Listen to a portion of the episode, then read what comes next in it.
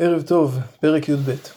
ואלה הבאים אל דוד לצקלג, עוד עצור מפני שאול בן קיש, והמה בגיבורים עוזרי המלחמה.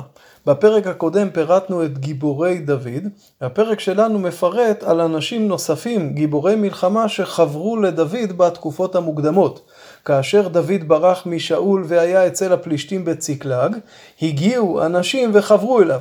מי הם?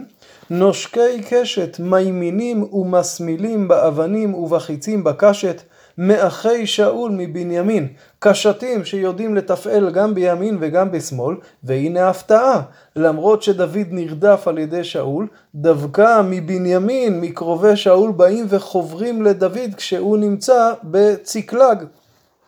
הראש אחיעזר ויואש בני השמעה הגבעתי ויזיאל ופלט בני עזמוות וברכה ויהוא הענתותי. וישמעיה הגבעוני גיבור בשלושים ועל השלושים, גיבור מהשלושים שהוזכרו. וירמיה ויחזיאל ויוחנן ויוזבד הגדרתי, אלו זי ורימות ובעליה ושמריה ושפטיהו החרופי, אלקנה ואישיהו ועזרל ויועזר וישובם הכורחים בני קורח, ויועלה וזבדיה בני ירוחם מן הגדור. זו חבורה ראשונה.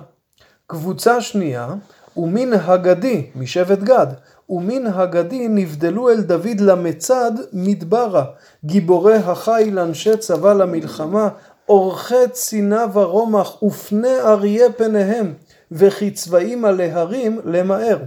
זו קבוצה משבט גד, שנמצא כזכור בעבר הירדן המזרחי, שחברה אל דוד כאשר דוד ברח מפני שאול במדבריות והיה במצודה. במהלך הבריחות שלו משאול הוא היה באחת המצודות, כך מוזכר בשמואל, ואז חברה אליו קבוצת לוחמים מבני גד. ואלו הן עזר הראש, עובדיה השני, אליאב השלישי, משמנה הרביעי, ירמיה החמישי, עתי השישי, אליאל השביעי, יוחנן השמיני, אלזבר, אלזבד התשיעי, ירמיהו העשירי, מחבנאי השתי עשר. אלה מבני גד ראשי הצבא, אחד למאה הקטן והגדול לאלף. כלומר זה לא סתם אנשים, הם היו מפקדי צבא על מאות ואלפים. אלה הם אשר עברו את הירדן בחודש הראשון, והוא ממלא על כל גדותיו, ויבריחו את כל העמקים למזרח ולמערב. כלומר, יש פה ממש מסירות, הם מצטרפים לדוד בחודש ניסן, כאשר הירדן גואה והחצייה שלו לא פשוטה, ובכל זאת הם חוצים, מבריחים בדרך את הפושטים יושבי העמקים ומגיעים אל דוד. קבוצה שלישית ויבואו מן בני בנימין ויהודה עד למצד לדוד. קבוצה נוספת שמגיעה אל המצודה בתקופה ההיא, היא מבנימין ויהודה. ופה דוד חושש, חלקם מבנימין, האם הם אנשי שאול שבאים לרדוף אחריו, או שמא באים להצטרף אליו. ויצא דוד לפניהם ויען ויאמר להם, אם לשלום באתם אליי לעוזרני, יהיה לי עליכם לבב ליחד.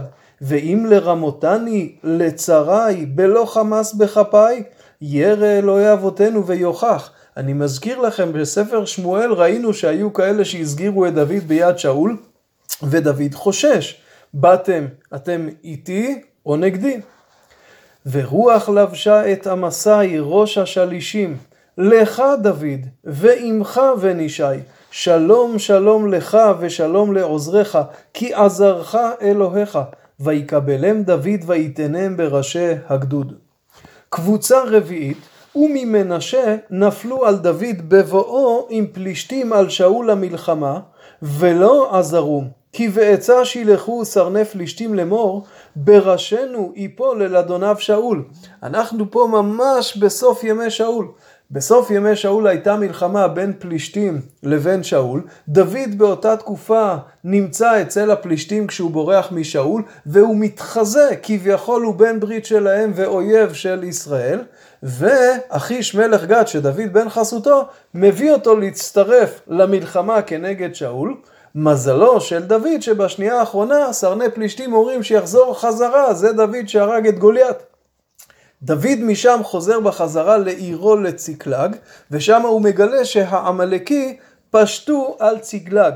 בשלב הזה שדוד חוזר אל ציקלג, בלכתו אל ציקלג נפלו עליו ממנשה, אדנח ויוזבד וידיעאל ומיכאל ויוזבד ואליהו וצלתי, ראשי האלפים אשר למנשה. והמה עזרו עם דוד על הגדוד, כי גיבורי חיל כולם, ויהיו שרים בצבא. כי לעת יום ביום יבואו על דוד לעוזרו עד למחנה גדול כמחנה אלוהים. כלומר, הם באים, מצטרפים לדוד ועוזרים לו לפשוט על הגדוד המעלקי ולשחרר את כל השבויים שנלקחו שם בשבי. עד כאן התיאור של ארבע קבוצות של לוחמים שחברו לדוד בתקופות מוקדמות כשהוא נרדף על ידי שאול. ומכאן אנחנו חוזרים בחזרה אל מה שפתחנו בתחילת פרק י"א, וזה תיאור המלאכת דוד על כל ישראל. ואלה מספרי ראשי החלוץ לצבא, באו על דוד חברונה להסב מלכות שאול אליו כפי אדוני. בני יהודה נושא צינה ורומח ששת אלפים ושמונה מאות חלוצי צבא, מן בני שמעון גיבורי חיל לצבא שבעת אלפים ומאה.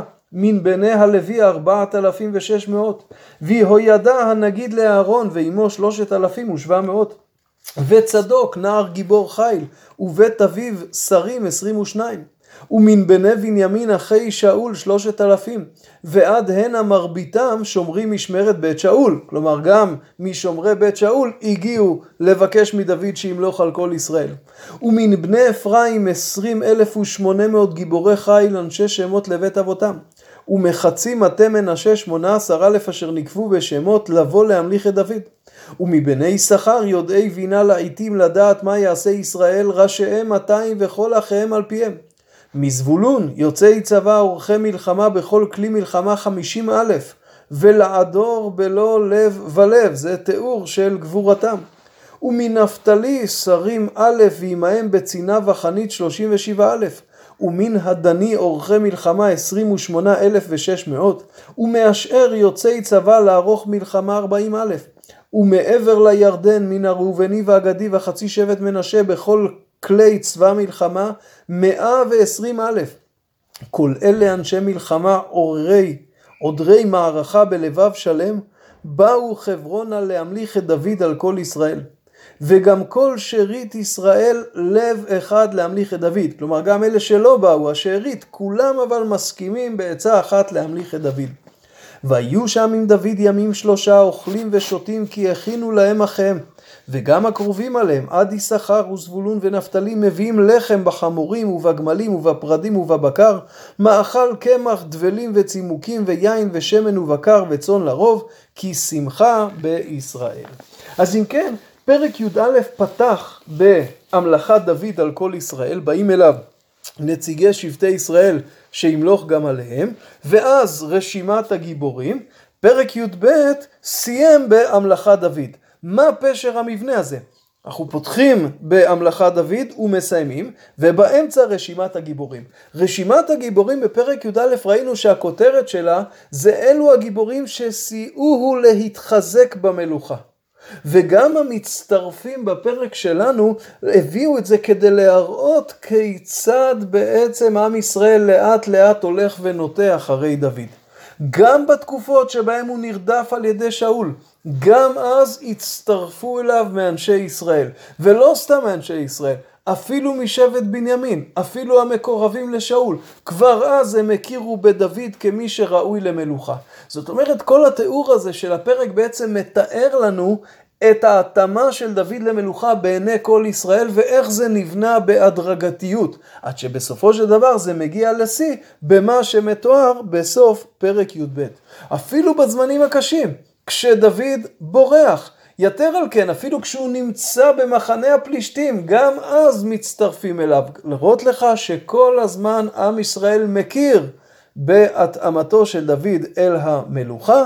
ואם כן, שני הפרקים הללו מתארים בעצם את המעבר ממלכות שאול למלכותו של דוד. ערב טוב.